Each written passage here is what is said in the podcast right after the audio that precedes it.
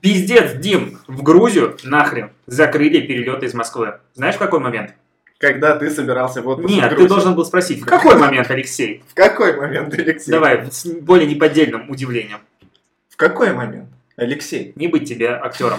Так вот, в тот момент, когда мы наконец-то решили поехать в Грузию. В отпуск. купили билет. 18 июля я должен был вылетать в Баку, оттуда в Грузию, а потом в Стамбул.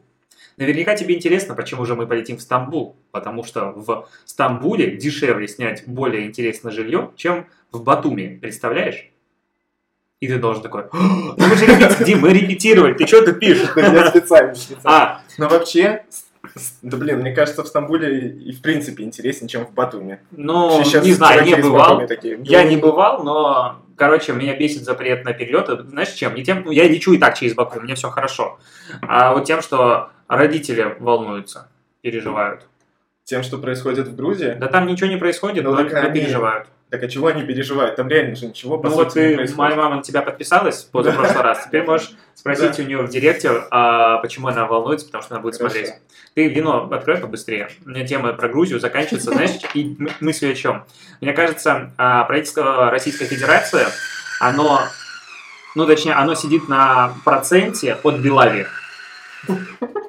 Ну, потому что настолько классно делать Белави уже который год подряд, но это прям надо уметь. Ты, может, вниз спустишь, ну, уберешь, типа, со стола. У нас десятый подкаст, юбилейный. Дима, Да, сколько кстати, можно? Юбилейный подкаст. Ну, Да. мы уже тренируемся. Я наливаю сегодня, ребят, мы начинаем. Я наливаю сегодня, наконец-то, тот самый рислинг, про который я говорил в прошлый раз. Это голубицкое а, вино рислинг Тамань.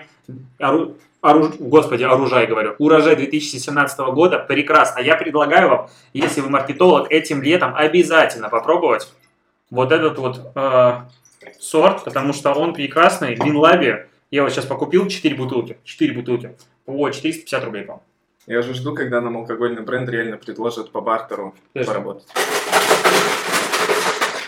Ну, типа вот так. Мне уже написали. Кто-то. Да. Еще я не знаю, кто, но уже предложил, кто. я, я уже рад. Потому что ну сколько можно пить, чтобы, ну, вот, подожди, давай. За юбилейный. За десятый подкаст. Я уже говорил в прошлом, по-моему, подкасте, что я удивлен. Но с каждым подкастом мое удивление становится все больше. Потому что уже десятый. И вот тут вопрос. Что мы будем делать с подкастом, когда ты улетишь в отпуск? На месяц, я напомню. Ну, не на месяц. Я улетаю 18 июля, прилетаю 14 августа. Это не месяц, это меньше. Это 28 дней. Ну, просто я уточню. Для Фейсбука, кстати, рекламного кабинета Фейсбука это месяц, потому что эти мудаки постоянно за месяц, за 28 дней для них считается. Почему? Я спросил вот супер. Ну, может быть, это связано с тем, что, типа, самый короткий месяц 28, и для простоты счета я не знаю почему. Но в любой статистике, где будет не- логично месяц, будет 28 последних дней. Конченная система. Так вот, нет, мы хотели обратиться к нашим слушателям, смотрителям, а, преданным фанатам. Я вот был в Казани, у меня буквально чуть ли не нижнее белье летело на сцену а, от людей, которые слушают мой Парень такой... да, «Красивый а знаешь, снова». как прикольно, когда я стою в Иннополисе, мы что-то общаемся, подходит, а, я, к сожалению, не помню, как его звали, наверняка он будет слушать, и такой, типа, блядь, и говорит, о! Я такой, «М?» Он говорит, я только что досмотрел ваш прошлый подкаст. Прикольно, прикольно. Это просто я езжу по стране, общаюсь с нашими преданными а, поклонниками, а Да, ты, у нас чмошник, сидишь, ты сидишь вот просто А на вино сидишь и пердишь, как говорит Оля. Сижу и пержу. Да. А, Но в любом случае, а, у нас реально проблема. Я улетаю на месяц. Дима в это время будет грустить. Ему будет очень обидно не писать подкаст, да, Дим? И Очень. у нас э, есть два варианта. Либо попробовать писать его как-то удаленно, что мы будем без видео, или Но мы не заставка. понимаем, какие есть методы для Да, того, чтобы пока так записать. не пробовали. Если у вас есть вариант, напишите, пожалуйста, нам куда-нибудь в личку директ. а, Либо же не писать подкаст в течение месяца, но я думаю, это будет всем грустно. Ну, потому что Но зато за этот месяц мы подготовимся, ты отдохнешь, я отдохну, и новый А сезон... то ты, блин, устал. О, Новый сезон. Ты этот не успел начать. Новый сезон. Ты не дуть, понимаешь? Понимаешь, первый сезон он такой, э, пилотный. Ни хрена Всегда. себе, у Дудя был первый сезон классный. Первые сезоны в сериалах в основном, в основном есть исключения, всегда такие, такие, ну, такие себе. А вторые сезоны всегда огонь, все понимают, что необходимо аудитории, мы оптимизируем все наши процессы, купим нормальные микрофоны. Ты купишь?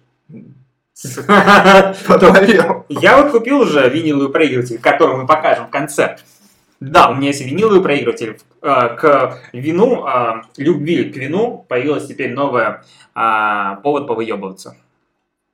Кстати, ты сказал писать в директ, и я хотел поделиться радостью для меня. На меня так никогда много не подписывались людей, как после того выпуска подкаста. А нет, один раз было, когда меня Саша Жаркова в своей сторис отметила. А, я думал, ботов накрутили тебя. На меня пока не крутит. Подписалось много людей, очень много промокодов раздал. Ты настоящий инфобизнесмен. На меня подписалось много людей. Вы часто спрашиваете меня в директе. Сколько? 80 человек? Подписалось 80, разослал промокодов штук 20. А 30. почему не 80? Так откуда я знаю? А, не Некоторые люди просто подписывались и не просили А. промокод. Ясно. Ясно. Но кто смотрит этот выпуск, акция продолжается. А ты хитрая морда, да? Промокоды на Тудуист еще не закончились, но они уже близки к, к окончанию, прям чуть-чуть осталось. Настоящий Штук инфобизнесмен. 50 Да, осталось. такой типа. Предложение ограничено, количество ограничено, время ограничено. Надо до Подписывайтесь. 28 июня успеть написать и подписаться. Да, сегодня десятый юбилейный подкаст. Мы хотели сделать его особым, поэтому мы решили ничего не менять, потому что а, мы знаем, что вы любите, как мы отвлекаемся от темы, обсуждаем что угодно, кроме маркетинга. И в этом мы все, да, Дим? Я просто отвлекся на... На мою жену, которая мимо проходила. Ты что, охренел? Вообще что такое? Нет, нет, нет, я смотрел на дверь. Да, да, да. На магните еще скажу. Да. И сегодня, кстати, в выпуске, я так понимаю, что мы обсудим в основном вопросы, которые нам прилетали последние выпуска 3, и Да, постараемся на многие из них ответить. я собрал, наверное, все вопросы, которые были, часть из них повторялась, поэтому будем отвечать комплексно. Так вот, Дима, Airbnb, что он сделал? А, бля, я готовился к другому вопросу. К этому я не был готов. Ладно. Airbnb запустил э, новый сервис, по-моему, Airbnb Lux. Я не помню. Традиционная рубрика. Мы подготовились. Блин, да эту новость я прочитал сегодня утром. У меня память как у рыбки. К вечеру я за- забываю то, что я читал утром. Слушай, наверное, у всех наших слуш- слушателей так же, поэтому мы можем повторять просто прошлые выпуски. Первый, знаешь, такой, нарезать кусками, микс, не вошедшая холоп, а давай пластинку запишем с нашими подкастами. Вау, класс, надо подумать. Ну, Для это- эстетов. Ну, там должен быть супер качественный звук. И будет, знаешь, и логотип. а, короче, я уже все придумал, и будет логотип наш так крутиться. Вообще топчик. Мне нравится. Да, Запускай. запишем. Так, вернемся к Airbnb. Airbnb запустил свой люкс-сервис. На самом деле они этот сегмент тестировали уже давно. Это говорится в статье на VC, поэтому я не могу судить. Все вопросы к редакторам, опять-таки. В чем суть этого сегмента? В том, что они запустили люксовый... Короче, Да подожди, Airbnb ну, позволяет арендовать гребаный остров. Не, Ты мог так не сказать? остров. Остров. Не только остров. Он позволяет снять большие особняки, классно, задорого, и острова. На самом деле не так дорого. Вот я присмотрел себе один особнячок, он стоит всего 32 тысячи рублей в сутки. Это не так дорого, согласись. Ну, для Марк Дира в Ну, да. коммуникационном агентстве Setters, наверное, это мечты. Да. 32 косаря за сутки. Ты чё, я вам пошел пластинок на 18 тысяч купил, и я считаю, что это дорого. 18 штук, между прочим. Надо Саша на лицо сейчас. Нет, А мне нравится, у нас, знаешь, уже начинается запись живых подкастов. У нас все больше и больше людей собирается за камерой, и они считают, что могут сидеть и комментировать, Так, обсуждать что-то. Это как вечерний ургант. Да, прям нормально. Я думаю, скоро начнем просто делать лайвы. Ну, типа, билеты продавать еще. Ну, нам же надо микрофоны покупать. Приглашаем Леша на кухню. Да, и, короче, два вида билетов. Типа, а, нищебродский без вина и нормальный премиум с вином. Еще можно, знаешь, по, по категориям вино разделить. Подешевле, более дешевое, подороже. Это уже много сложностей. VIP должен быть. Это много Как сложностей. Airbnb. И вот это как раз меня и бесит у маркетологов, которые начинают усложнять. Усложнять рекламу, усложнять а, маркетинговые активности. И мы переходим к следующей Я уверен, что мы запишем, даже когда уже 30 выпусков, наши подводки останутся все такими же хорошими. Нативность. Нативность, да. Нативность. Так вот, про бесячую рекламу. И что, в принципе, Блин, ну ты такой скучный пиздец, просто, Дим. Что меня бесит в рекламе? Я уже просто вижу этот заголовок. Что бесит в рекламе? Класс. И такой, вот, я бы хотел обсудить какой-то, ну что такое? Ну ты должен быть, лайфхакер почитай, не знаю, какой-нибудь. а, какие у нас газеты есть убогие? А, га- Газеты. ну, журналы. Коммерсант. Убогие? Они уже живут рядом с нами. Не видел их офис вон там. Да реально? Знаешь, тебе перо под ребро запустят. Короче, что тебя бесит в рекламе, Дим? Сегодня мы хотим обсудить основной темой, что бесит маркетологов в рекламе других маркетологов. Тема сложная. Охеренная. Я ее прям давно хотел обсудить. Я, я к ней прям готовился, знаешь, Давай. вспоминал, что меня бесит. Во-первых, это креатив ради креатива. Я даже подготовил в этот раз примеры, не поверите. Давай. Первый пример. Тануки. Надо раскрыть суть. А, А, слушай, а да. может рубрика Андрей Фрольченко будет у нас постоянной? Креатив Фронченкова. Да. Да, рубри- новая рубрика. Надо сделать сюда заставку. Класс. Бабочку просто вставить, у него уже традиционная вот эта вот бабочка. Так вот, вышел пост просто в Тануке, когда Фр... Фрольчен... Фроль... Фрол. Фроль... Фроль... Он же с мягким Ну, Андрей. Ну, просто Андрей. Да, когда Андрей пришел в Тануке, он э, почти в первый день, по-моему, первый-второй день опубликовал пост, где стоит с одной стороны девушка полная, со второй стороны э, стройная девушка. Я сейчас по тонкому льду хожу, знаешь, перебирая, э, перебирая описание, чтобы тоже не быть как Андрей. Тонкая девушка с шариком, Ты она такая максимально стройная. просто описал просто, ну, настолько позитивно и даже не знаю, как сказать, толерантно полную девушку и тонкую девушку, что я даже не знаю, как а, лучше бы это выразить. И полная девушка. Жиробасина еще скажи давай. Полная девушка. А что не так в, определении полная девушка? Девушка в фигуре. Девушка в фигуре, в квадрате или в чем? Нет, там было тетрайдер. Эта девушка, кстати, по-моему, блогер какой-то. Она а, достаточно известная Да. американская и блогер, и звезда, и у нее проблемы с, гормо- с гормонами, из-за Да. этого она так, ну, крупнее, чем должна быть. Природой заложена. Полненькая. Ну, да. Вот, Мы так все тише, тише. Ну, Ты не мог другой пример привести. И там слева эта девушка, известный блогерша, у нее после похода в Go Go пиццу, там и отсылочка, понятное дело, к Додо пицце, а справа э, ху- худенькая девочка с шариком, там все дела, после похода в Тануке. Ну и как бы все раскритиковали, и непонятно вообще смысл этого поста, смысл креатива. Хайпануть. Нет, знаешь как? Я скажу в защиту Андрея одну такой момент, что он шел туда к ребятам, которые, ну, ты не смотрел свое дело? Смотрел. А, миллионер, там, э, секретный миллионер. Вот этот чувак, который Тануки заведует, директор, он немножко полностью отстрелянный. У меня такое ощущение. Ну, прям максимально. У него же там видос был, где он какой-то чувака в латексе вводит, он типа как э, какая-то хрень во рту у него торчит. То есть Ну, Гендир Тануки, да, производит человека такого. я уверен, честно, что это, Странно. в принципе, его посыл и, ну, типа, вот такие темы поднимать. Много. Да. Почему на это соглашается Андрей? И хочет ли он дальше работать в этой среде после таких компаний, я не знаю. Мы с ним Ну, общались, слушай, но я он не же понял. остался в Тануке, Ну, кажется. Так там руководству все это нравится. Еще. Ну вот, поэтому это как бы посыл руководства. Но я понял идею. Второе, что меня бесит, это просто бездумное копирование, в принципе, идей. И тут хороший пример, я не знаю, пышечный, сколько попыток было в Украине, ну там более-менее адекватный формат вышел.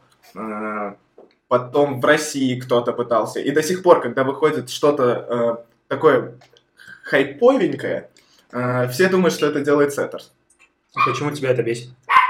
Ну, Потому что все компании, которые выходили наподобие пышечной, были реально очень поверхностные, тупо скопированные, стилистика, подача, тексты, и оно не выстреливало. Ну, понятное дело, потому что это уже было, это уже видели во всех Подожди, у меня такой вопрос. У меня всегда на этот счет встречный все, кон- контраргумент, ты его знаешь. А, просто дерзкий текст и модная, скажем так, фэшн-съемка, в которой а, переизбыток секса в некоторых местах, является ли вот это вот комбинация изобретением как раз таки компании пышечной? Или все-таки это было давно, и нельзя говорить о том, что все является копией пышечной? Мне кажется, на то время это было первое в соцсетках. Ну, Если бы такой в соцсетках, да, но в крупных рекламных кампаниях брендов такое было. В журналах рекламных Но- это часто И было. мы даже знаем, а где были, откуда черпались референсы, скажем Да. так, для этой съемки. То есть это не изобретение исключительно агентства. Это факт, но при этом понимаешь, что а, вот украинский даже проект... Нет, «Перечень», украинский был конкретно копия, потому что там Да. было эти, типа, пирожки какие-то и прочее, то же самое, только И более после секс. него еще один появился, который вообще набрал 300 или 500 подписчиков, закрылся, и все разошлись спокойно. Но вот это бред. И очень много существует проектов, которые просто берут, копируют, никак не адаптируют даже на свои сегменты, э, не думают, как его можно сделать еще более интересным или найти какой-то другой инсайт. И вот это меня раздражает, прям жутко. Ты знаешь, что меня раздражает? Сексизм в рекламе. Причем даже не из-за того, что это типа сексизм. А, ну, так как я белый цисгендерный мужчина, вот это вот все, короче, и средний класс, и у меня вообще в жизни все удалось. Ну, как белый мужчина считается идеальным человеком в этом мире, у меня все хорошо. А, и, в принципе, сексизм я не могу сказать, что меня сильно раздражает в рекламе, потому что, как правило, там красивые девушки в каких-то сексуальных позах, и я такой, типа, ну. Меня больше это бесит как маркетолога, потому что потом набрасывается говнище на вентилятор, и начинаются встречные кампании, хреновые, это всегда отстойно и говено. А как ты относишься, кстати, к И показу сексуальности в рекламе? Ну вот, допустим... Мне нравится. Я Ранее- люблю Викторию Секрет. Ну вот смотри, Виктория Секрет тоже очень хороший пример, потому что они раньше на этом выстраивали всю свою коммуникацию. Почему раньше? И сейчас, да. Но они уже сейчас уходят от этого, потому что у Виктории Секрет э, жутко падают продажи с каждым годом. Ну, за счет того, э, за счет всякого бодипозитива и прочей истории, что девушка не должна быть сексуальной и так далее. Но это я объясняю. Я свое мнение не высказываю, повторюсь. Я просто обсуждаю. А то сейчас наедут все. А.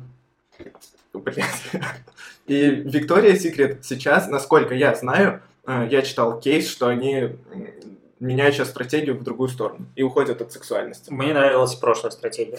Я любил смотреть показы, мне нравился их инстаграм, мне нравилось к ним заходить. Когда они уходят из этого, мне не нравится меньше. Я не понимаю, почему вот этот лифчик должен стоить 4 косаря, когда есть такой же аналогичный условный за косарь. Потому что тут я платил за поддержку секса в массы, скажем так. То есть Ты я как бы просто за слой пушапов в лифчике.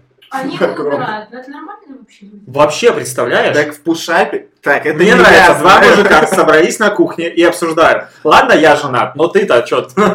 Мне все Оля рассказывает. Я не знаю. Это само залетает. Да. Вот знаешь, я забываю, как называются сервисы, но вот какую-нибудь херню про пушапы и почему они плохие, Короче, мне это все нравится. Я грущу, что это уходит. И я был готов поддерживать компанию рублем, когда она делала то, что делает. Сейчас мне нравится это меньше. Если ты хотел услышать мой ответ. И у них это было красиво. То есть не вот реклама «сосу за копейки», там, где пылесос и рядом девушка. Вот это ужасно. А вот та было красиво. Да, кстати, сосу за копейки, сосни за елку и прочее, это вот отдельные креативы регионов. Кстати, недавно вышел... э, Блядь, я не буду, я не помню, что там написано, я вначале скажу, а потом подумаю. Ну, как всегда. Поэтому забейте. Там недавно тоже был спорный пост в креативах рекламы, но я не помню содержание. Ты уже понимаешь, да, резать. Да, это мы вырежем. Ты про эту елку говоришь уже который выпуск. Да потому что это пиздец. Ну так ты прочитай уже про нее и скажи, что... Да это не про елку, про новый. Сегодня вышел. Я сейчас вспомню. Сегодняшний пиздец. Сегодняшний пиздец. А Свежий. что меня бесит в рекламе? Доставим по Бердску за 59 минут. А если не успеем, то А. начальство развальцует нам очко до такого размера. И там чувак стоит. Но это фотошоп, скорее всего. Но это не будем обсуждать. Ты вспомнил, что тебя бесит дальше? Я помню. Я знаю, что меня бесит. Ты знаешь, если вот что меня раздражает в рекламе, ну, в одном из видов рекламы, а, директ-маркетинг, я могу это назвать так, а более просто раздача листовок, меня это тоже очень раздражает. Почему? Я вот иду, вижу чувака, который листовку раздает. Мне их жалко всегда. Я беру Мне, во-первых, их жалко, но, во-вторых, я иду, думаю, господи, только не давай мне листовку, отказываться придется. Я иду с каменным лицом. Он мне не дает Вот так листовку. Нет, он мне не дает листовку. И мне всегда так обидно. Я такой, типа, в смысле? Я не подхожу под критерии целевой аудитории. Я что, нищеброд? Или я вообще... В смысле? Я не платежеспособен? Почему? То есть, короче, у меня... всегда- Я когда вижу, мне всегда плохо. Если он мне даст листовку, мне не нравится, потому что либо отказываться, либо брать и выкидывать в ближайшую урну. Это как бы типа экология, вся херня. А если он не предложил, то мне обидно. Вот, кстати, эту... И опросы у меня ни разу не спрашивали. Так обидно, вот эти люди стоят. с- Ну, Может, тебе еще и чай не продавали в Питере? Нет, ни разу. Я столько раз там ходил и не предлагали. Так обидно, просто трендос, понимаешь? Я бы тоже расстроился, Леш, на самом Ну, как бы у всех было, а у меня нет. Да. Даже рассказать нечего. И листовки, кстати, в Питере я только встречал. В, в Минске, в Москве я не обращал на это внимание прям так, так сильно. В Питере же на каждом шагу идешь по Невскому, через каждые 50 метров листовки. А Тут у нас на районе недавно, ну, вот этот магазинчик зеленый, он решил конкурировать с соседним магазином, и вместо того, чтобы сделать нормальную продуктовую э, линейку внутри, они решили вкидывать деньги в рекламу. И один магазин сделал такую херню шариков, повесил два флага перед входом. Я угораю. Этот поставил штендер, или как он называется, формата, вот, типа, мы здесь, приходите, и поставил чувака там на дорожке, он раздает листовки. Я подхожу, ну, я взял у него листовку, жалился, потому что он там три часа в день стоит по вечерам. Подхожу к своей парадной, И в урне было куча этих листовок, и мне было обидно за природу. А ты считаешь вообще, в принципе, листовки это эффективный инструмент маркетинга? Я, как настоящий маркетолог, отвечу, надо тестировать. Какая выборка должна быть, в принципе? Сколько листовок надо раздать? 10 тысяч, 20 тысяч Мне кажется, ты увидишь результат на тысячу максимум. минимум.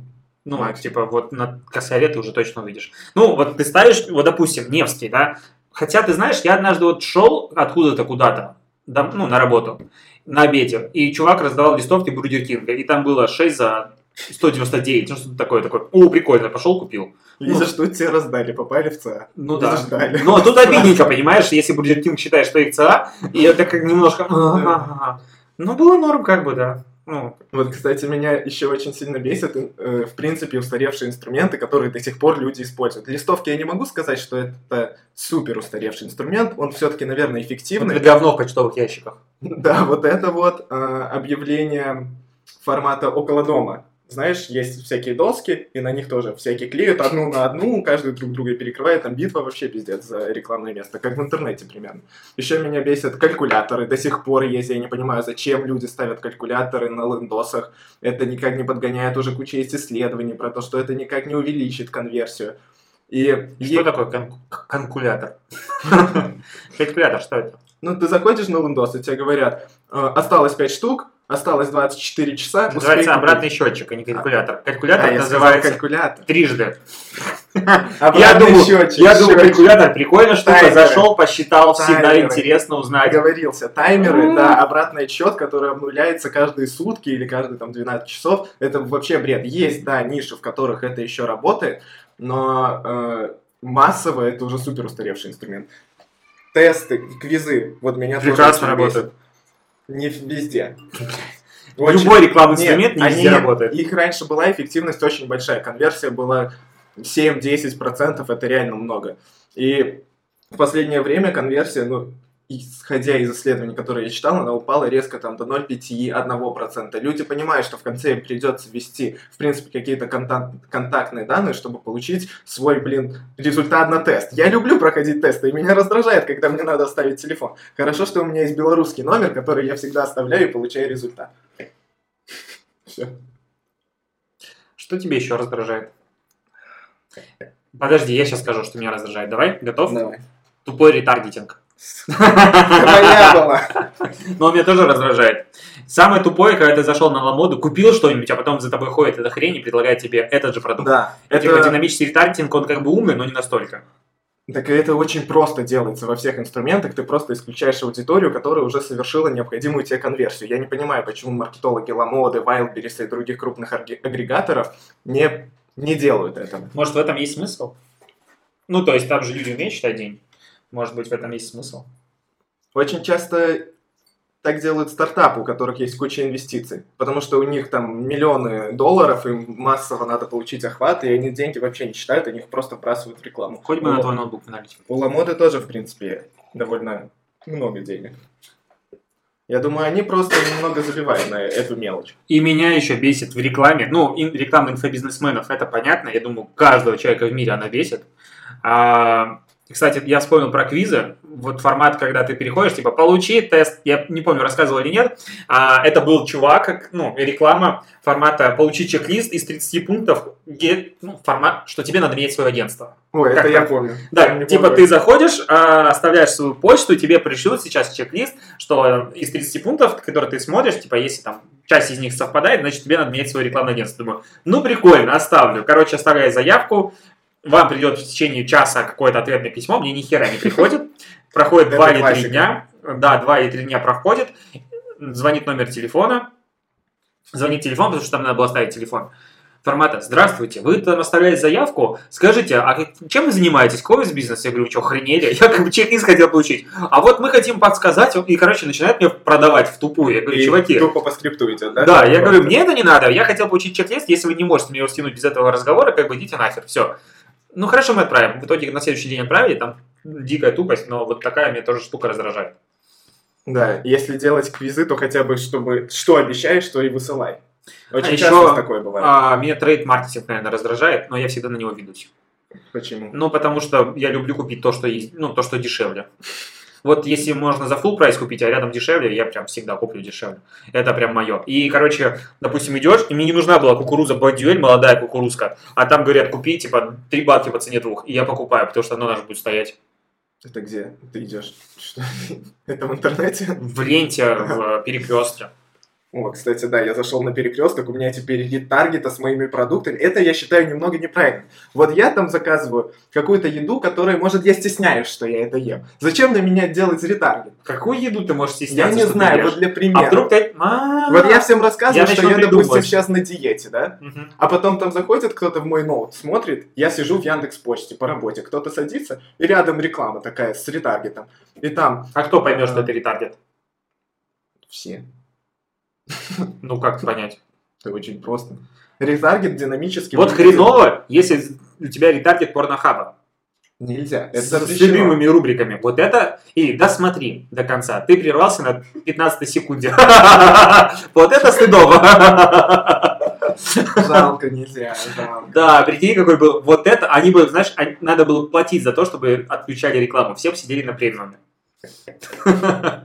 Кстати, Неплохой стартап. мы обсуждали рекламу точки на Pornhub. Да. Жаль. Кончил точку, у нас же назывался выпуск. Да. А, но это была не Ну, реклама. там управляй бизнесом одной рукой. Реклама была. Реально. Я- спрашиваю, обсуждали или нет? Мы обсуждали, но мы не обсуждали, мы не могли вспомнить в том выпуске, что конкретно было написано на баннере. Ну, я просто читал VC, и там была статья, я как бы сам не видел, там было написано «Банк. Точка, управляя бизнесом одной рукой». Формат на Pornhub висит. Ну, так же легко. Ты думаешь, это специально не сделали? Я уверен, они написали, что это был типа провокационный тест, там было интересно, был большой медийный охват, все дела. Ну, да. Еще, кстати, вот с- к провокационным рекламам я отношусь ко многим так себе. Потому что Мне они не нравилась тупые реклама перекрестка, допустим, последняя. Ну, вот... э, Гудко- а, Нет, Гудкова это было не перекресток, Delivery Club. Меня прямо она раздражала, потому что было понятно, что это в этой рекламе, напомню, там были курьеры формата, что вот Ибрагим Абдурахманович, он а, учитель русского языка, и он работает у нас в доставке. И вот такие вот штуки формата, что работает в доставке, могут жить любой, это типа хороший профи- Но это же не провокация, по сути. Ну да, прям. То есть э, учитель русского языка или там балерин, нет, репортер работают в доставке. И там такие специальности были, а, что они работают в доставке. И ты такой типа, «Мгм, это всего лишь не больная точка в нашей стране, о том, что учителей маленькая зарплата. И а, других пунктах я не буду упоминать, которые тоже больная точка.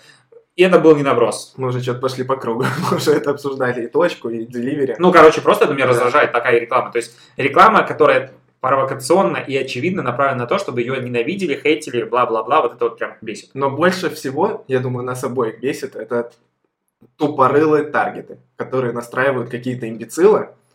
А, Для примера, это инфобизнесмен в основном, как ни странно. А, Курсы начинающего маркетолога, для начинающего маркетолога, и они таргетируют это на, с интересом маркетинг. А на кого надо? С каким интересом, Дмитрий? Простите Я нас. вообще не, не на интересы таргетирую. А на что? Ну, если только на какие-то смежные. И смотря в каком инструменте. Если ты продвигаешь это через Google Ads, через Direct, через Facebook. В уточни Давай, вот. я тебе сейчас даю вводную, давай задачку решаем. А ты думал, такой сидит тут, выпендривается. Давай, Давай. я хочу продать курсы, а, SMM с нуля, вся херня, вот, а, успешный успех и все такое. А, Красивый в машине видос снял, как я еду в BMW, конечно же, а, последней модели, взял каршеринги. И хочу продвигать курс в Facebook и Instagram. С какими интересами мне надо продвигать свой курс? Е- Мне интересно. Я, Ну, я настройки, повторю, что, настройки. во-первых, да. А, Я бы таргетировался, во-первых, на аудиторию малого бизнеса. Это такой таргет есть, кстати. Малый бизнес. Маленький бизнес, малый бизнес. Э, Таргетировался бы на смежные какие-то специальности, например, на дизайнеров, начинающих причем. Почему? Потому что, смотри, ты дизайнер, тебе... э, Ты дизайнерка. Давай Или- будем или дизайнер. Лучше фотографы. Вот фотографы, хороший Ага. пример. Фотографы обычно люди, которые продают сами себя. И очень часто сами фотографы э, настраивают таргетированную рекламу, продают свои услуги через Google Ads и так далее. И я бы включил и фотографов. И при этом был бы персонализированный офер под фотографа, что после этого курса ты поймешь, как продавать свои услуги благодаря SMM. И таких э, специальностей очень много. Я просто сейчас сходу не назову все. Я просто Надо хотел подумать. подумать с тобой, увидеть твои размышления, как бы ты продвигал. Вот, Ну Вот и еще. все. А ты что добавить можешь? Лука лайк. Но это не- нечестно. Ну, А чё? лук-лайк на кого? А если у тебя нет базы? Ну вот на первичную выборку. А какая первичная выборка? Можно запустить широким таргетом видос, где я на машине еду красиво и рассказываю о том, что хочешь зарабатывать много денег. Приходи в нашу профессию, я научу тебя зарабатывать много денег. Кстати, прикольная... Мне понравилось. Вот так вот быстро штурмить, это прикольно. Я прям мой мозг почувствовал, как начал шевелиться. Он начал работать впервые за год, да? Вот. Так, что тебя еще в рекламе бесит? Меня бесит вранье в рекламе. Вот прям ненавижу, когда ты смотришь на фотографию красивого бургера в Макдональдс. Я прям смотрю, знаешь, и вспоминаю. Не, ну... Приходишь, а там не то. Ну это же тоже реклама. Да, но И это- вот эти фуд-фотографии, я знаю, что это вранье, но меня бесит. Но для этого, кстати, есть закон, в котором э, крупные бренды, ну, в принципе... Ну, они прописывают, что, к сожалению, да, вот то, что может наши- отличаться. Да, прекрасно, я рад за них. Но нахрена вы мне это показываете? Ну, это норма. А ты бы купил вот этот расхлебанный бургер, который, блин, в какой-то жир с него стекает? Ты бы не купил. Так сделайте тот, который на картинке. Это то же самое, как раньше люди покупали белье Виктории Секрет. Они хотели быть похожи на... Вот давно, вот в те далекие Ну, поскольку Средний- что они века. темные, да. Вот, поэтому... Ну, раньше. как бы, ангелы Виктория Секрет все еще есть, там есть красивые девочки, которые как бы тоже... Я-то ничего. не спорю. Но ты же ассоциируешь себя с... Хрен ними. знает. Я точно нет. Я имею в виду целевая аудитория бренда ассоциирует себя Нет, вообще. Victoria's Secret это тот магазин, в который, типа, мужчина может прийти, ему будет не стыдно и не в западло купить белье. Я, я видел эм, только в Виктории Секрет лица мужчин не вот такие вот унылые, прям, А ты видел, какие там картинки? как э, в космо. они Разве ты видел картинки там? Да, так я, ну вот и я все. там тоже с Всё радостью очень просто. потусуюсь. А знаешь, что бесит? Вот, вспомнил, это не реклама, но он тоже бесит. Виктория Секрет нельзя мужчинам в раздевалке. Передевалке. Ну, Ну, кажется, много где. Примерочная. Везде можно, там Нет. нельзя. А где? Вот меня везде пускают. Я вот не могу не вспомнить, э, Не могу не вспомнить Не могу тот прекрасный вспомнить. случай. Давай. не могу вспомнить бренд. Это Ойша. И чё? В Ойша нельзя. Сейчас пойдем проверим. Я не знаю, типа, ойша! Ойша нельзя. Я вспомнил. Да? Ну, два минус бренда, которые я не хочу больше никогда покупать. Но Ойша абсолютно другой. Я считаю, это дискриминация. Представь себе вот просто мужской магазин, в котором девушкам нельзя в раздевалку перед... Мы не меряем. в примерочную. В примерочную Нету нельзя. примерочных для трусов. Лифчик я не знаю. Вот, вот что это за сексизм, я считаю. То есть лифчики меряйте, пожалуйста, а трусы, значит... Ладно, я понял, что я не хотел бы мерить после кого-то. Да, да, дошло, дошло, да, дошло. Как бы после чужой груди как бы можно померить, а вот здесь как бы не особо. Короче, последняя вещь, которая меня бесит в рекламе, можно заканчивать, потому что все, хватит. Стихи, песни, которые въедаются в голову. Типа Форте какое-то там говно у Тимати было. И вот эти вот все лекарственные препараты, которые продвигаются с помощью песенок. И в Татрум стихотворной, фо- и, короче, стихотворной формы меня просто так это раздражает. Я ненавижу каждую рекламу. же. Нет, ни хрена не въедается. Я просто ненавижу. Люди-имбецилы, которые ходят, понимаешь, и... Блять, мы поем. У нас песенка. Вот это мне просто... Я, я, у меня кони труд. Я не люблю покупать то, что рекламируется с помощью такого говна. А на тебя влияет, кстати... А, мы это уже обсуждали, по-моему. Влияет ли то, что какой-либо продукт рекламирует медийная звезда? Ну, Мы и к которой ты обсуждали. хорошо относишься. Мы это обсуждали. Да? Да. Уже и забыл. Ой, ну десятый выпуск все-таки. Да ты просто чмошник, я напоминаю. У меня память как в рыбке, напоминаю. Выпьем за это. Рыбу я тоже не люблю. Я тоже. Дим, вот мы обсудили рекламу, которая раздражает, а в бизнесе, в продвижении бизнеса меня раздражает еще одна вещь, у меня нативность, а я чувствую просто в голосе, когда, Да, знаешь, типа, а, Ты такой, как хитрый лис. Так, знаешь ли что? это знаешь, в передачах у блогеров такое, а вот скажи мне, пожалуйста, такая, ой-ой-ой, нативная интеграция подошла, ой, смотрите, вот продукт.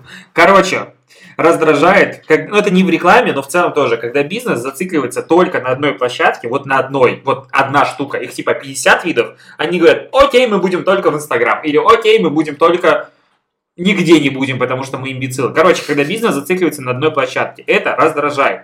И именно поэтому хотелось бы немножечко рассказать про то, почему это очень плохо и вредно, и о том, что есть много других площадок, не охваченных большое количество бизнеса, на который можно идти. Да? Да, каждый канал на самом деле э, выступает для своей аудитории и имеет свою огромную специфику. И когда люди, в частности бизнесы, уходят в какой-то один канал, они просто замыкают свою ЦА. ЦА у бизнеса на самом деле очень широкая. У любого бизнеса реально широкая ЦА. Даже нишевые продукты на самом деле обладают широкой ЦА, которые есть во многих сетях. Увеличение половых органов. Ладно, в Инстаграм ты, кстати... Мне просто интересно, ну, могу ли я предложить бизнес с маленьким ЦА? Ну смотри, кстати, Предложил с маленьким ЦА. Ну, кстати, это сегмент для вот этого чернушной рекламы формата RTB-шных сетей, где вот баннеры на сайтах сериалов и так далее. Идеально, идеально работает. Все, я больше не хочу думать на эту тему. Закончим. Плакать начнешь сейчас. Да. Эм, Очень многие почему-то в последнее время не уходят в Твиттер на самом деле. Это вопрос, я уточняю, какие соцсетки стоит использовать и какие инструменты. Это было в вопросе читателей. Короче, давай я переформулирую твою эту вот э, спич. Кстати, у тебя, я заметил, у тебя такая есть особенность, когда ты общаешься со мной, и вот я общаюсь конкретно с тобой, а ты общаешься с камерой, но смотря в меня. То есть у тебя такая, очень многие, типа, ты мне говоришь это или нет? Мы общаемся с диалогом. Я, я так У нас говорю, что был- было бы двух мужчин, интересно. Двух а, молодых а, вот парней, нет, мужчин мне нравится больше, один женат, второй как бы в свободном полуэсте плавания, да? Да? Или нет? Я не знаю, просто ваших порядков, что там, как можно, нет? А, которые пьют вино и обсуждают рекламу, а ты постоянно туда общаешься, но смотря в меня. Короче, очень херово зацикливаться на одной площадке. Это прям Да даже плохо, на это прям вредно. это зло. Ну, типа, ты, все идут в, ос- э, в основном в Facebook, и то мало кто уходит, у всех стереотип, что там дорого, нельзя- э, туда надо вбухивать миллионы рублей Да. в бюджет. Да, так и надо. Ну, так это очень дорогая площадка. Это дорогая площадка, но не настолько, сколько сидит в подсознании людей, которые туда не выходят. Там можно работать э, более бюджетно. Но многие думают, что там должны быть бюджеты, я не знаю, формата 200 тысяч, тупо чтобы уходил на Facebook. Ну, не знаю. Так вот, и, короче, когда бизнес зацикливается только на чем-то и не видит дополнительных возможностей для масштабирования в других площадках, это очень вредно по одной простой причине. Площадка, бизнес, когда приходит, допустим, а мы говорим про социальные сети или сервисы, когда он приходит на какую-то площадку, он не понимает о том, одной простой истины, что это не его, Он играет по правилам площадки. что площадка может в любой момент его Да. закрыть, заблокировать, удалиться. Или же, допустим, какая-нибудь из органов ветвей власти Российской Федерации или других стран может сказать, ой, Как LinkedIn. ой, да, типа, нахер, и все, и ты в жопе. И, в принципе, это может случиться с каждым из нас. В России, Да, проверяйтесь на ВИЧ. А, нет, и это очень грустно, но, с другой стороны, мне кажется, бизнес должен понять, что, допустим, если в Инстаграме у него падают охваты, то, в первую очередь, он делает говенный контент, это очевидно. С другой стороны, что он может попробовать в Одноклассники, или он может попробовать Твиттер, или он может попробовать в LinkedIn, LinkedIn, Да. или он может попробовать куда еще? Мой мир, ТикТок. моя страна, или как он там Не называется? дай бог. Фотострана. Мой мир не надо. Фотострана, там, знаете, там каждый- Фотострана. в фотостране кстати, рекламный кабинет. Ты видел Это какой? очень взрослая аудитория. Это... В фотостране есть цель Да, и, подписчики в Телеграм. и у них адекватный кабинет, я его даже видел. Вот, то есть есть куча площадок, на которые можно заходить. И это очень быстрая тема, которая размусоливать нет желания, но заключается в том, что, ёб твою мать, хватит сидеть в одном Инстаграм. Есть куча народа в Одноклассниках, есть куча народа в ВК, и то, что вам не нравится, допустим, там находиться, не значит, что не нравится ваша целевая аудитория. Мне знаешь, э, кажется, что многие бизнесы не выходят в другие соцсетки, потому что не понимают, для чего она, в принципе, им нужна. А, Ну, в частности, Twitter хорошо работает как э, служба поддержки, быстрый канал связи. Ну, вот согласись, те же операторы, банки постоянно Но это, уточняют это, что-то. ты знаешь, но это большой бизнес. Ну, то есть Твиттер, мне это кажется, нужен большой. реально Для мелких большому, бизнесов либо какой-то это- прикольный интернет-магазин. Для мелких бизнесов это скорее эм, акционные предложения быстрые. Но это не Шутейки. локальная история, типа это не локальная история. Вот если интернет-магазин, допустим, с доставкой по всей стране еще и так далее, завести прикольный твиттер, как бы ок, может быть, потому что это реально федеральный охват будет и так далее. Если ты, не знаю, красишь ногти в Таганроге, то твиттер явно не для тебя. Ну да, скорее да. Тем более Твиттер постоянно падает сейчас.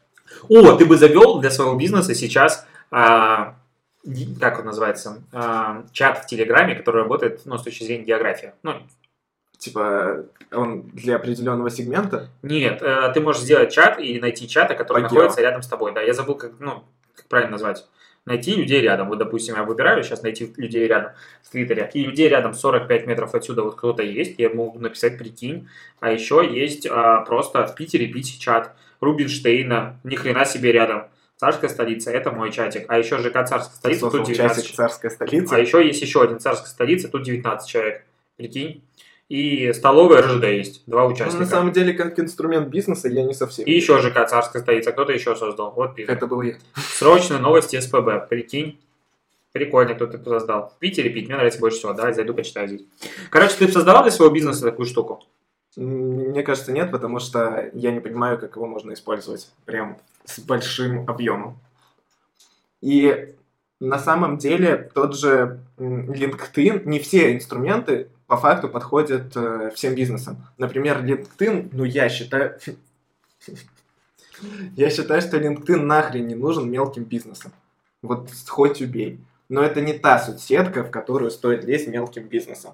Это соцсеть про HR-бренд, про хантинг топ-спецов, про выходы на топ-менеджмент компаний. Да, это очень круто работает, и очень тупо и странно, что забанили такую классную соцсетку в России. Для фриланса вообще шикарно. Для фриланса, да. Но мне кажется, что все-таки мелкому бизнесу там делать нечего. Или это будет подход в LinkedIn формата спама жестко. Просто Ну, тут еще Мгм. можно говорить, знаешь, про какие площадки, типа а, на Google картах продвигать себя, то есть Google мой бизнес или Яндекс тоже не бизнес. всем надо. Если Ну, если это хорика- оффлайновая штука какая-то, Да, то в люб... да. да. да, даже если не хорика, даже вот условно говоря, маникюр, то ты можешь начать просто продвигать себя, Да. каких-нибудь отзывов понаписывать, все покупать, и ты будешь заметен на карте. Это, кстати, хороший вот пример, потому что Google сейчас по последним новостям, вот недавно вышло, э, всячески пытается развить Google Мой бизнес и уходит в Он сторону... обновил его на днях. Да, обновил и добав- добавляет сейчас новый функционал. То есть они сейчас на это делают ставку, и бизнесом, который в оффлайне будет... А я говорил, заходить. что я пишу отзывы не просто так. Я тот человек, который пишет отзывы на Яндекс, на Google картах, ходит, сфотографирует всякую херню, ставит оценочки, и у меня уже, между прочим, почти седьмой уровень. Нифига себе, там есть уровни. Там, там геймификация. Вот понимаешь, вот геймификация это вещь, которую я просто обожаю. То есть ты типа с нихера можешь увлечься чем-то и просто начать вот это вот все делать, потому что, ну, потому что А что уровень, тебе от уровней? да не знаю, тут, все изменилось в последний раз. Вы популярны, ваши фотографии просмотрели 61 тысячу раз. Сколько? 61 тысячу раз. Покажи фото. Смотри, у меня шестой уровень, почти, 4, почти 4600 баллов, и у меня вот скоро седьмой будет. Сколько Я написал 89 отзывов, Ну поставил ты 33 псих. оценки, загрузил 579 фотографий, и ответы, что такое... А, я ответил типа на вопросы Гугла 425 Объясни, раз. что ты туда грузишь, что ты фотографируешь? Просто хожу, фотографирую, типа, вот я зашел в какое-нибудь заведение, сфоткал его просто и выложил. Ты же, когда выбираешь заведение на Гугле, ты смотришь фоточки иногда? Я не выбираю заведение на гугле. Ну, потому что ты чмошник, я напоминаю. Я, допустим, смотрю. У меня есть постоянная проблема, куда пойти. И вот, типа, зашел, зашел Такие же агрегаторы всякие. О, мне не нравится TripAdvisor. Ну, что-то бесит меня. Никогда не. Yelp, кстати, классно в Европе работает. Ну, вообще ну, классно. вот я как бы Но у нас, я не знаю, Нет, кажется, да. его даже нет. Короче, да, мысль как-то закончилась. Мне кажется, тема была более веселая. Но сейчас мы переходим к ответу. Господи. Я, знаешь, мать. еще, кстати, вспомнил, что а, вот соцсетка, за которую реально обидно, в которую никто не уходит. Вот Snapchat, реально. Это потому у нас. Да, Но на мне кажется, Западе более это обидно самое- за Pinterest. Ну, у нас тоже Но еще. он, мне более кажется, что у него сейчас вот вторая волна пошла популярности, и он занял, он занял уже определенный сегмент э, в России, им пользуются все дизайнеры. Ну, это есть э, золотая тройка инструментов, Pinterest, Dribble и Behance. Все этим пользуются. Э, В этом сегменте он окей. Но Pinterest изначально же создавался на массовой аудитории, типа как а-ля Tumblr, только получше. И вот в этом плане он сейчас развивается, мне кажется. А Snapchat мне уже окончательно умер, на мой взгляд. Ну, он не в умер, России. у него, ну, он в России никогда не оживал. Но вообще, Snapchat вроде бы как в этом году планировал открыть свое официальное представительство а, в России и начать продвигаться. По-моему, были такие слухи. И, наконец-то, в десятом юбилейном нашем выпуске мы накопили количество вопросов, которые можно уже начать отвечать. То есть, а, ну, Дима, вот, допустим, немножко обижается и иногда плачет подушку, не только из-за того, что вы на него не подписываетесь, получается, что я популярный в нашей паре, а он как бы пассив, а еще и из-за того, что а, Мало вопросов, на которые хочется ответить, на которые стоит Да, ответить. реально мало. Задавайте больше вопросов. Возможно, мы просто скучные и... Нет, у нас есть два варианта. Либо мы такие классные, что прям не хочется ничего спрашивать, и хочется Мы и так все просто следить разъяснили. да, за потоком мысли. С другой стороны, мы настолько непрофессиональны, что вот этих вот э, двух чмошников даже спрашивать нечего. Но количество вопросов как- некоторые мы собрали, поэтому Дима сейчас будет их озвучивать, и мы постараемся ответить как раз на весь список, который мы собрали. Задавайте в следующий раз, будет больше, интереснее и веселее. Как маленькому агентству, работающему с 5-7 клиентами, масштабироваться? Ответ простой. Никак. Нет. Прозябайте. В нищете. На самом деле, я считаю, что маленьким агентствам, у которых есть 5-7 клиентов, надо, в принципе, делать заведомо больше, чем требует клиент. Иначе вы всегда будете просто в жопе. Надо, есть очень много хороших инструментов. Например, как э, Подожди. львы. Подожди, подожди, подожди, подожди, подожди, подожди, подожди. 5-7 клиентов. Это что за агентство? Это фрилансер? Нет, Два? это может быть маленькое агентство, человек 10. 10 Спокойно. человек и 5-7 клиентов? Да, в регионе. Да ты гонишь. нет? 5-7 клиентов, это типа 2 человека. Ты как, смотря какого формата проекта. Если мы говорим что-то более комплексное, а не тупо соседки. Ну даже... Ну вот смотри, я не знаю, там есть кон- контекст, Подожди, вот SMM-ка. 5, допустим, 7 клиентов, возьмем по максимуму. Средний чек, если мы говорим про регион и так далее, на что угодно в месяц, сколько может быть? 1030. Ну, 1030. То есть это 210 тысяч а, просто оборотки в месяц, допустим. С учетом отложенных платежей, недоплаты и прочего Ладно, говна. это это 5-6 человек. 210 тысяч, сколько зарплата должна быть у человека, специалиста? Так а в регионах зарплаты небольшие. Ну, даже Ну, не смотри, настолько. так хорошо, смотри. 5 человек, это агентство формата, я считаю, 5 человек.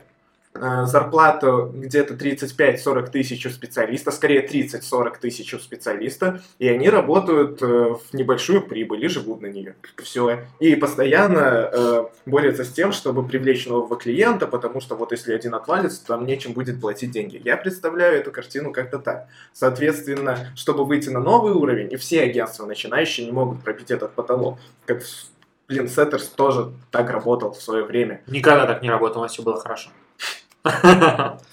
Постоянно рубрика Inside Setters. Активный рост пошел, супер активный рост э, пошел именно после пышечной, это факт. Но это ни для кого не секрет. А, Я про другое хотел сказать. В чем проблема? Ну, смотри, проблема масштабирования в данном случае, она не только в привлечении клиентов, на мой взгляд. Ну, то есть привлечь клиентов, вот у меня есть ощущение, что сегодня вообще проблемы никакой нет, потому что запросов малого бизнеса очень много. И знаешь, мне кажется, даже... э, Тут вопрос именно в масштабировании. Вот, допустим, к тебе приходит восьмой клиент, и ты сейчас не справляешься текущим штатом. процессы, бизнес-процессы, налаживание. Да? Это Нет, ты текущим штатом банально не справляешься. Что делать? Нанимайте еще одного человека, который э, сожжет не только всю маржу, но, возможно, ты и в минус уйдешь. Но многим агентствам надо копить какую-то подушку. Потому что реально расширение это всегда затраты первые месяцы огромные.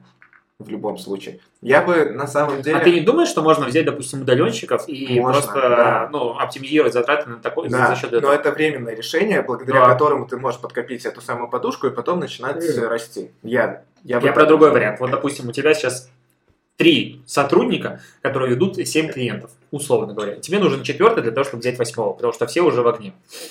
И ты вместо того, чтобы взять его в штат, ты берешь его на удаленку и платишь ему по проектно. Берешь восьмого клиента, девятого и так далее, постепенно, допустим, либо переводишь этого сотрудника себе в штат, либо нанимаешь на full тайм но тогда он уже будет заранее купаться. Вот такой расклад ты не рассматриваешь? Это логично, но мне кажется, э, у многих агентств первоочередная проблема в том, что они не могут найти клиента на тот прайс, на который бы они хотели выйти. Ну, формата... Они сейчас работают с клиентом за тридцатку. Они хотят работать, как и все агентства, конечно же, хотят работать как крупное агентство с миллионами бюджетами. Нет, я не думаю, что все хотят. ну, это вообще ладно. другой раз. Ну, Да, типа, когда ты работаешь за они- тридцатку, миллионный бюджет, это тебе снился. 50 тысяч уже много. Я про то, что они хотят увеличивать э, уровень Средний клиентов. И средний чек, соответственно. И вот тут проблема, как найти вот этого клиента и, соответственно, выйти чуть на другой уровень. Э, И для этого... м, Гроус-хакинг. Да, это, кстати, нормальный вариант, потому что я считаю, что молодое агентство от э, агентства, которое начало активно расти и пробило потолок, отличает то, что они смогли придумать метод, а, чтобы об этом агентстве говорили. Это может быть выиграть или отобраться на молодых львов, выиграть какой-то громкий тендер. А на самом деле молодым Знаешь, нам- агентством, вот смотри, Нет, на молодых львов, молодое вот такое агентство, условно, которое ведет 5-7 клиентов, даже если оно выиграет, оно не потянет их. по ну, потому что на секундочку, да, два кос- А, нет, в России, по-моему, оплачивается. возьмите кредит, В России оплачивается. идите на молодых львов. Ну, типа, участие в молодых львах для одного человека это 2000 евро. Но согласись, какой это потенциал чисто даст. оплата. Да ни хрена, вот я участвовал, и что? Ну, Если а, ты выиграл золото, ну извини то меня, там выиграть бы. золото, попробуй выиграть для начала. это да. Пробовать стоит, это один из инструментов, я считаю. За- залазить в тендерные площадки, поскольку молодое агентство с плохой 100% экономикой, которая ни хрена не просчитана, процессы ни хера не оптимизированы, цены они не понимают, как выставлять. Я, я говорю по своему агентству, которое развивалось. Слушай, можно естественным запустить путем. курс масштабирования развить агентства. Да. Отла- Да, я, Отладим кстати- бизнес-процессы. Консалтинг. И э, молодым агентствам, я считаю, надо залазить в площадки, э, в тендерные площадки, потому что они могут демпинговать, они могут делать предложения лучше, чем другие, потому что у них много, довольно много свободного времени. В больших агентствах э, это занимает очень много времени. Мы тратим на свои тендерные предложения кучу часов специалистов. А, Плюс я бы, наверное, если бы был я в такой ситуации, я бы сейчас потратил свое время на то, чтобы сделать задел какой-то, задел в бизнес-процессах, потому что когда агентство вот сможет пробить этот потолок, с ними оно может разрушиться так же, точно так же быстро, как и пробило этот потолок, потому что Раскрой мысль. когда вы, когда вы маленькое агентство, блин, я опять общаюсь с камерой, но смотрю на тебя, Э, когда агентство маленькое, то ему просто можно подготовиться к тому, что оно станет большим, описать процессы, стандартизировать их, э, не знаю, написать маркетинговую стратегию, понять, как выстроить сервис, потому что сервис в будущем это Смотри, у чуваков, инструмент. ну, ты, мне кажется, живешь сейчас немножечко в а, розовых мечтах, как твоя а, свитшот, как это назвать, байка, да? Так вот, Беларуси байка. байка, мы белорусы байка. А, это реально розовые мечты. Ну, то есть, когда ты, допустим, а, управляешь небольшим агентством, у тебя все ребята уровня фриланса, средний там какой-то уровень и так далее, все СММщики, либо вы веб-студия, дизайните, не знаю, SEO что-то делать и так далее. Во-первых, ты постоянно погружен в, В дичайшую операционку, ты сам, возможно, делаешь часть работы, потому что ты не можешь, скорее всего, позволить себе делегировать все. да, делает. А, и сказать, что надо подготовиться к взрывному росту, это настолько, типа, Нет, смотри. делайте хорошо, а плохо не делайте. Моя мысль в том, скорее, что э, многие собственники агентств, в первую очередь, они на этом этапе даже не думают, э, что произойдет дальше, и они не думают, они не знают, как с этим работать. Ну вот по факту никто реально не задумывается на ранних стадиях о процессах и как они потом будут ложиться. А, Я бы, наверное, порекомендовал со своей стороны освободиться от операционки, это на самом деле можно сделать. Делегировать, нам брать еще удаленщиков за 15 тысяч с э, Донецка, я не знаю. Просто в Украине они еще, ну, подешевле.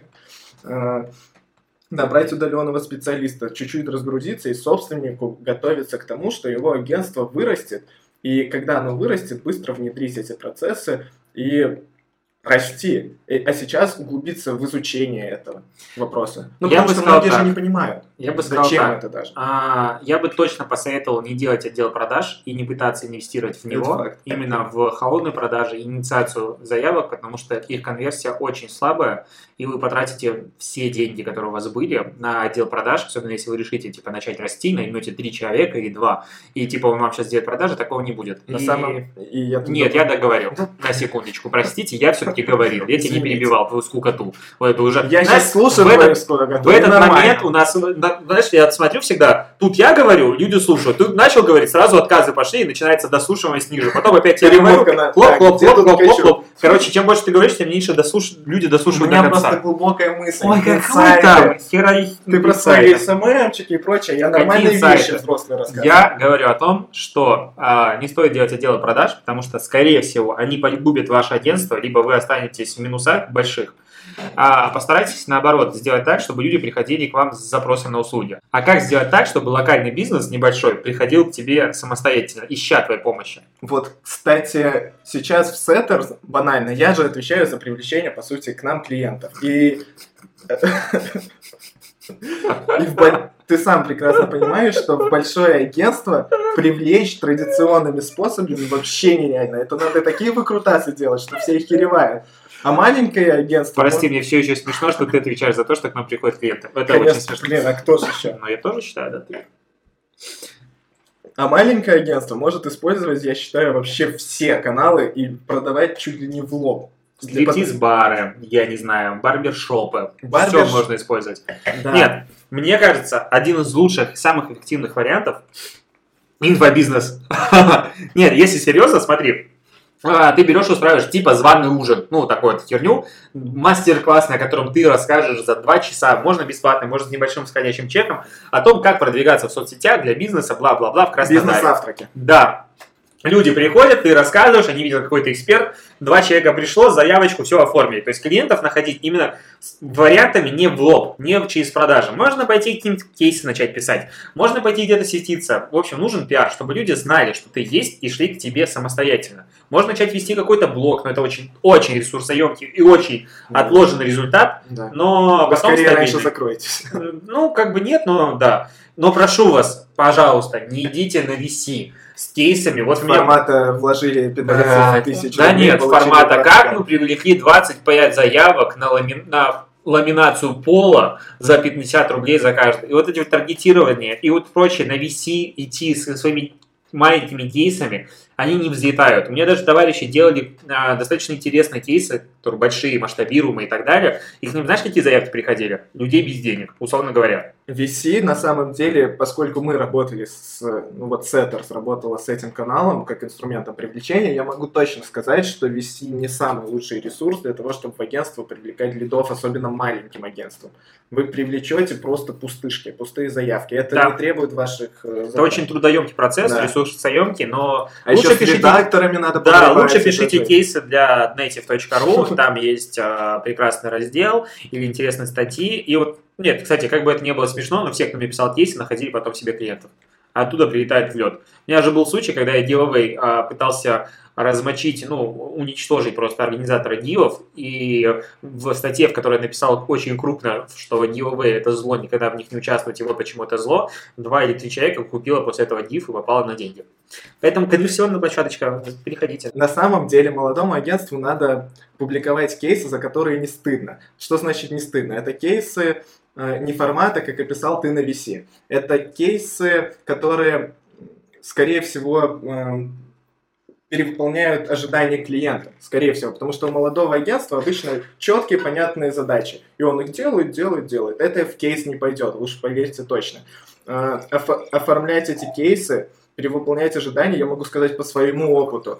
У нас были клиенты, например, на, по-моему, там 3000 долларов, да, на сайт, на разработку сайта.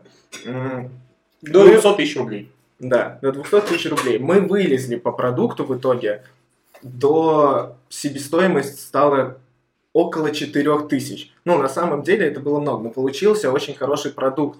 Ну и в итоге мы потом переехали в Setters, но это не важно. Но мы с, с этим сайтом могли бы засветиться в, в маркетинг бай, в других изданиях. Мы даже могли бы выйти на какие-то профильные ресурсы российские, потому что это был продукт реально, который не стрёмно показать. Ну, мне до сих пор его не стрёмно показать. И Короче, делайте больше, да, больше старайтесь, и потом заворачивайте в кейсы и сделайте нормальный сайт сейчас. И сделайте его, пожалуйста, не на выебистых CMS, вот как мы в свое время сделали.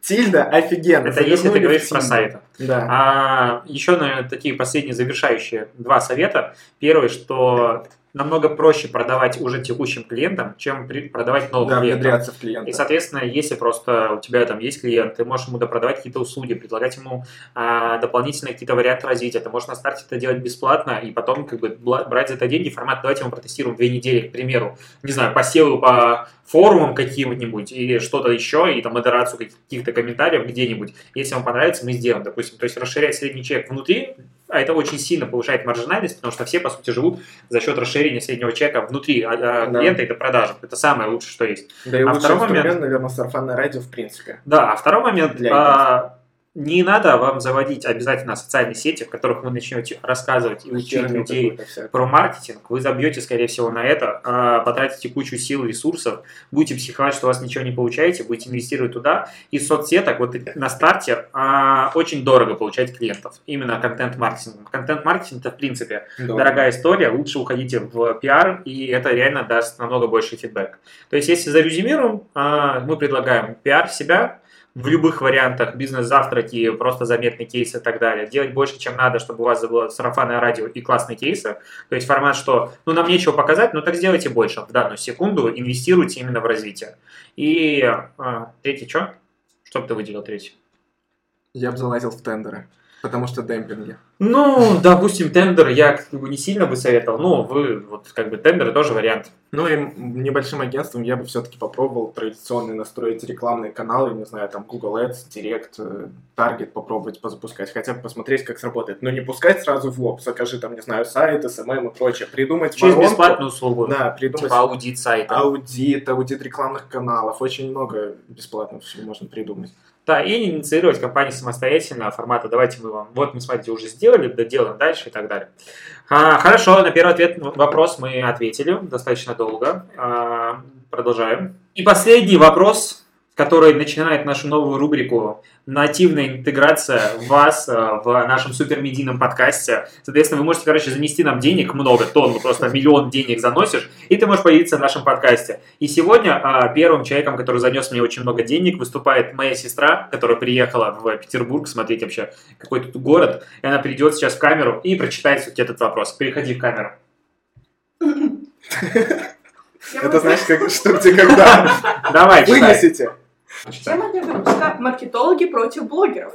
Первое относится ко вторым с пренебрежением, и есть за что. Блогеры сеют слухи про Инстаграм, ударяют подписчиков. Инстаграм меняет алгоритмы. Давайте срочно устроим лайк тайм и сломаем алгоритм и подобное. А еще у маркетологов бомбит, что они на окладе сидят, а инфлюенсеры поднимают немалые деньги за то, что в купальнике сфоткались. Конец. Спасибо, Влада. А, спасибо. Браво. Больше не будешь. Ты, это был 25-й а, дубль. Я уже сказал, что это последний дубль, и человек смог.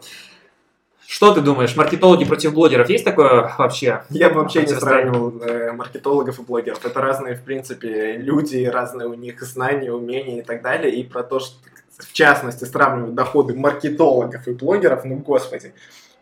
Есть э, специалисты инфобизнеса, которые ничуть не меньше зарабатывают, чем блогеры, уж поверьте. Короче, я прорезюмирую вопрос. А, Мне кажется, здесь немножко неправильная терминология. А, Не маркетологи против блогеров, а маркетологи против инста-блогеров, обучающих СММу. Вот такая вот немножко здесь, потому что идет специфика, в которой блогеры сеют слухи и прочее говно и купальники. Ну, Кстати, новость недели. Поп-арт маркетинг восстановила свой аккаунт. И знаешь, что написала? Я, я ржал до слез просто, истерика у меня была. В- я уже прочитал. резаный. Не-не-не-не. У нее было написано, что она и дальше продолжит делать контент для думающих людей. Простите. Я просто помню все эти а, курсы, разбор аккаунтов и прочее говнище. Я и дальше начну делать контент для думающих людей. А сколько у него уже лям? Ну, у меня был лям, Лям ну, у меня 200. это... А, мне... нрав- Ну, ладно, обсуждайте инфобизнес, я думаю, какой-нибудь отдельный выпуск сделаем. Кстати, если бы вам хотелось а, сделать разбор инфобизнеса, не знаю, людей каких-нибудь, типа, скиньте, на- накидайте аккаунты, про которые стоит поговорить, или вообще и курсы, и прочее, прочее. Возможно, в какой-то из ней мы решим поугарать, нажить себе массу врагов и обсудим как раз-таки массу. Это этих- лучший пиар на самом деле. О, Это да, это будет срач. вентилятор. Но нас дослушали преданные фанаты к этому моменту, поэтому, ребят, если интересно, пишите «да» в комменты, кидайте в личку какие-то страницы, кого обсуждать и так далее. Но в целом, а, возвращаясь к ответу на вопрос, честно, меня не бесит. Ну, типа, есть люди, которые распространяют тупые данные, есть люди, которым это верят, но это их проблема. Мне кажется, это они распространяют это опять-таки с точки зрения диссонанса, чтобы пропиариться. Ну, это же логично. У меня есть два варианта. Либо да, согласен с тобой, либо в другой момент они просто тупые. Возможно. И тут, знаешь, как бы чаша, чаша Но весов они не же может эту инфу тоже откуда-то берут. Я вот не понимаю этот первоисточник, потому что бывает, типа, читаешь девчонку, которая говорит, Я вычислил, что 8 хэштегов это лучшее количество хэштегов, которые надо публиковать. Или мы с командой, это Халилов любит так говорить, мы с командой протестировали алгоритм, и вот мы поняли, что что-то там мы поняли. Блять, алгоритм, 200 факторов, даже плюс, если мы говорим про инсту, которая влияет на выдачу, они протестировали. И они на одном аккаунте. Они протестировали, мать вашу. Типа никакой статистики, никаких данных, ни хрена нет, никакой методологии теста, вообще ничего нет, но они протестировали. Я каждый раз, когда рассказываю про то, что типа время а, публикации в инс- в Инстаграм не особо важно, потому что охваты становятся такие же, показываю скриншоты статистики, и начинаю оправдываться, что это тестировалось на всех вообще профилях, которым я доступен и так далее, мне все равно кажется, что я мало информации даю. Но у тебя маленькая, да, выборка. Но это В плюс... смысле маленькая выборка? Я на всем вообще тестировал, что было у меня вообще в На доступе. всем это если бы ты протестировал на 100 тысячах аккаунтов. Ну, я не на 100 тысячах аккаунтах, к сожалению, тестировал. Это уже нормально. Но мне кажется, да, я согласен с твоей позицией. Ну, формат, вот это, конечно, вот такие моменты раздражают. Тут больше инфобизнес раздражает, а именно тупые блогеры, а, нет, не так, неумные блогеры, которые не до конца разбираются в вопросе, пытаются что-то рассказывать, это типичная ситуация. Блогер в любой отрасли, скорее всего, не разбирается настолько хорошо, как специалисты, пытается чему-то учить, если мы возьмем, там, не знаю, диетологов, косметологов, которых херню какую-то несут, это более плохо и страшно, чем, а, типа, алгоритмы в Инстаграм как-нибудь. Да все эти же блогеры вылазят в итоге свои знания получают в формате вот я развила свою соцсетку в Инстаграме, значит я шарю, я понимаю все алгоритмы и так далее. На самом деле развить э, свой Инстаграм, как бы не смешно от меня это было слышать, несложно. Да, да, да. И Да, да, расскажи нам. Дай нам три совета, Дим. Вот что бы ты посоветовал людям, которые хотят сделать такой же популярный аккаунт, как у тебя? не постить контент, Да, делать тупые подписи. да. М, Ну, третий, давай, Я давай, третий совет. Третий совет и... Я не ставлю 8 хэштегов. У меня нечего еще. Я, я все, что не... Хэштегировать тебе нечего просто, Дмитрий. Да. Вот тоже. А, опять у нас получился длинный а, выпуск, час плюс, скажем так. Спасибо, что были с нами. Бляха, забываешь. Я постоянно... Ну, просто мы уже как бы затянули, а я и много говорил и не пил. Че? Ты злился на инфобизнесменов в Инстаграме. Да ни хрена я не злюсь. Люди, которых читают, это их проблема. У меня вообще политика такая. Я не вмешиваюсь в их жизнь, и люди, когда поймут, достигнут какого-то уровня развития, они придут ко мне. В, мой, в мою паству. Я так считаю. У меня такой угар.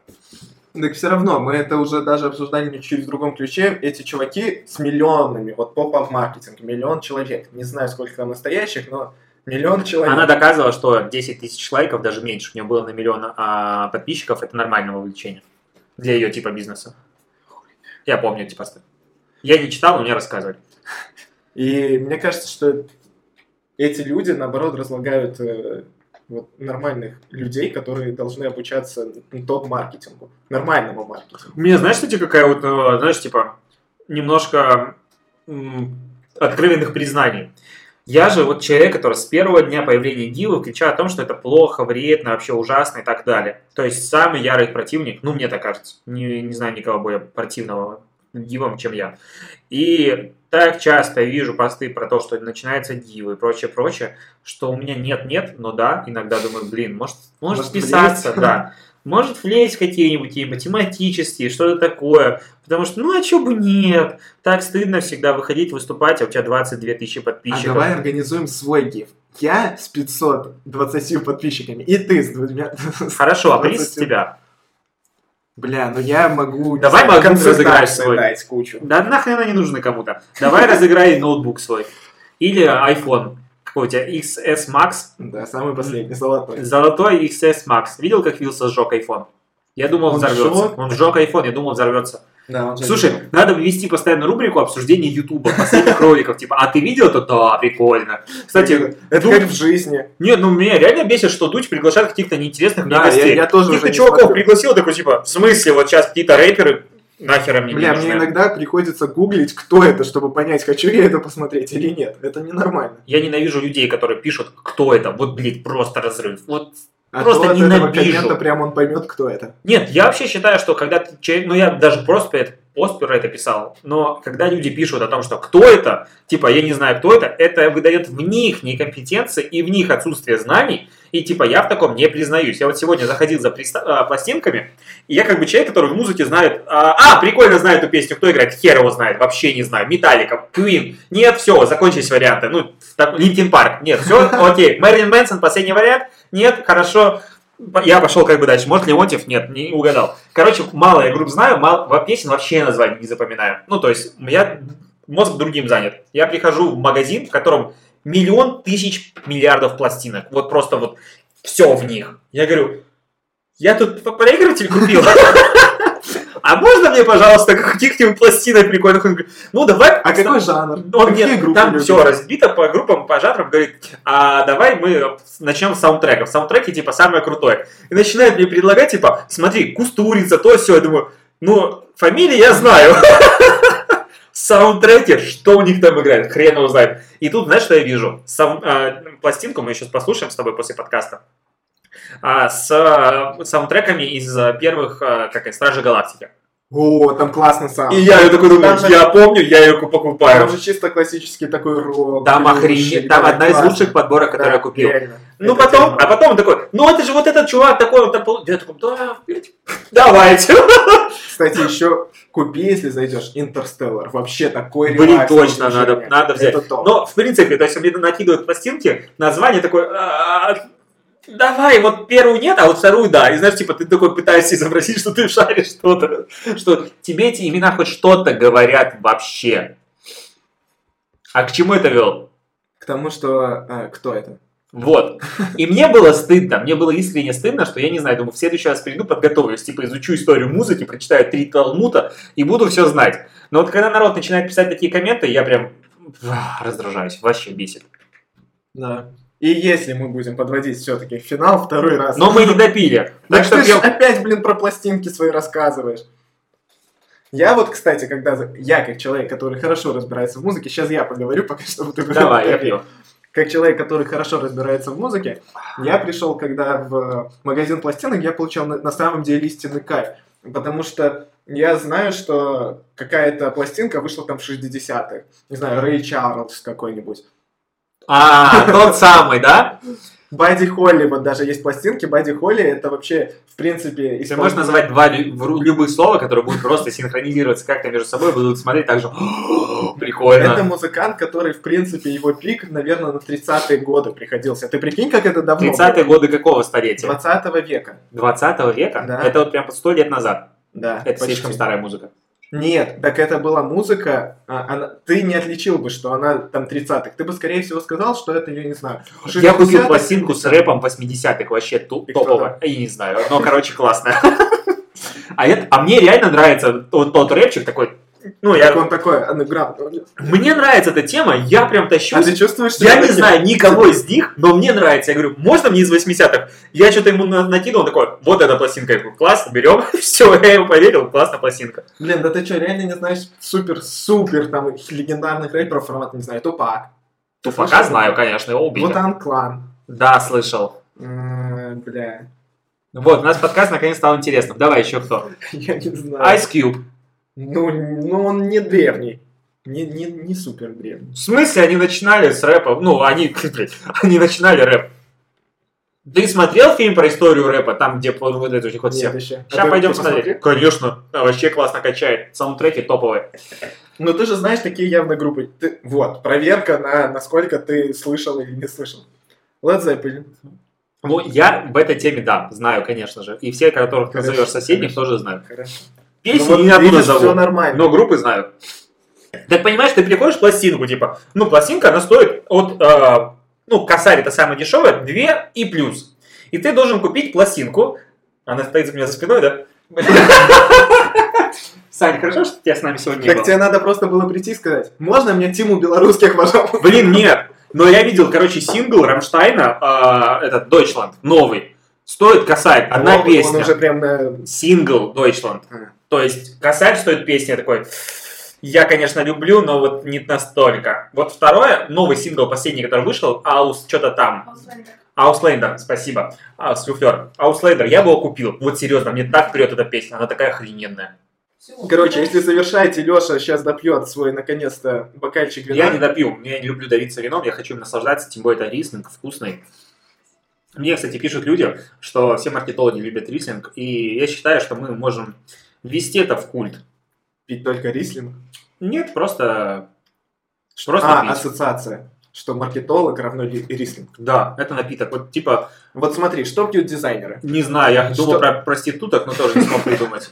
Проститутки пьют, мне Нет, кажется, не могу сказать, что я каждый день про них думаю. Нет, такого у меня в жизни нет. Но я почему-то подумал, знаешь, типа пьющие профессии. Сразу проститутки, потому что они ассоциируются с местами, где их снимают, соответственно, они бухают. Вот у меня Какие-то коктейли наверняка пьют.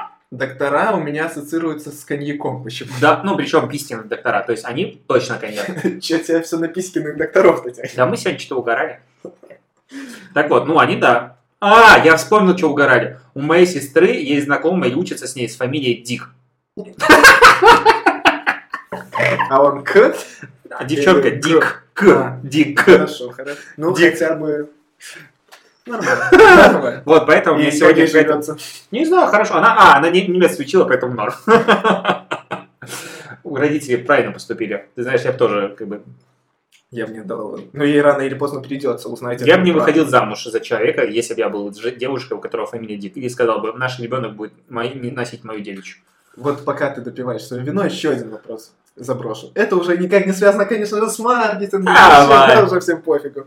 А, как ты относишься к тому, что вот, допустим, ты э, женишься, допустим, Да. второй раз. Допустим. Ну, Допустим. произошло чудо. Произошло чудо. А, И твоя вторая жена не Ага. хочет брать твою фамилию. Как ты к этому относишься? А, Я просто не знаю, как Подожди. к этому относиться. Если это Мила Кунис, возможно, я проглочу эту обиду. Ну, допустим, то есть, ну, тут надо еще, Так, смотри, Леша Кунис, по-моему, завидно. во-первых, Алексей. Нет, Леша Кунис в данном случае лучше.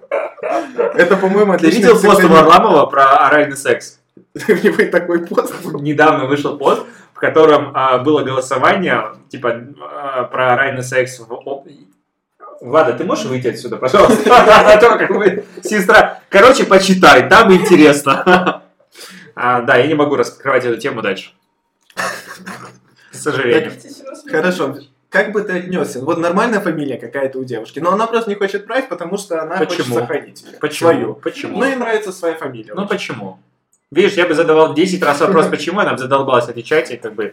Нет, вообще, а, я рад, что с этим не столкнулся, потому У что нее хрен знает. фамилия Бекхэм, например. Ну, я бы, возможно, ее фамилию взял, как бы, я тут не знаю. А, Я рад, что с таким моментом не столкнулся, потому что для меня это было всегда формата, как бы, ну, само собой разумеющееся.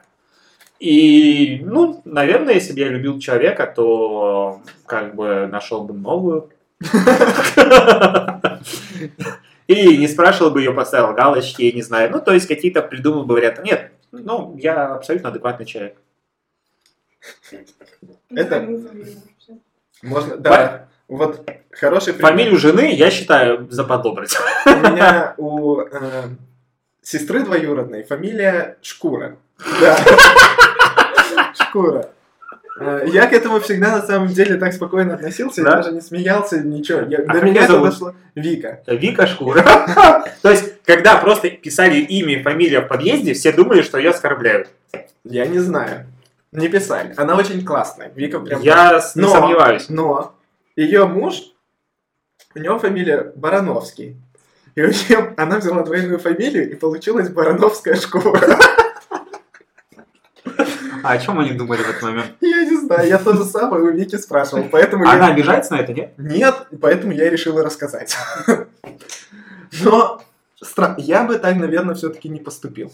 Ну и Вика вряд ли слушает меня, но если ты обиделась, то извини. Я не знал, что про это нельзя рассказывать.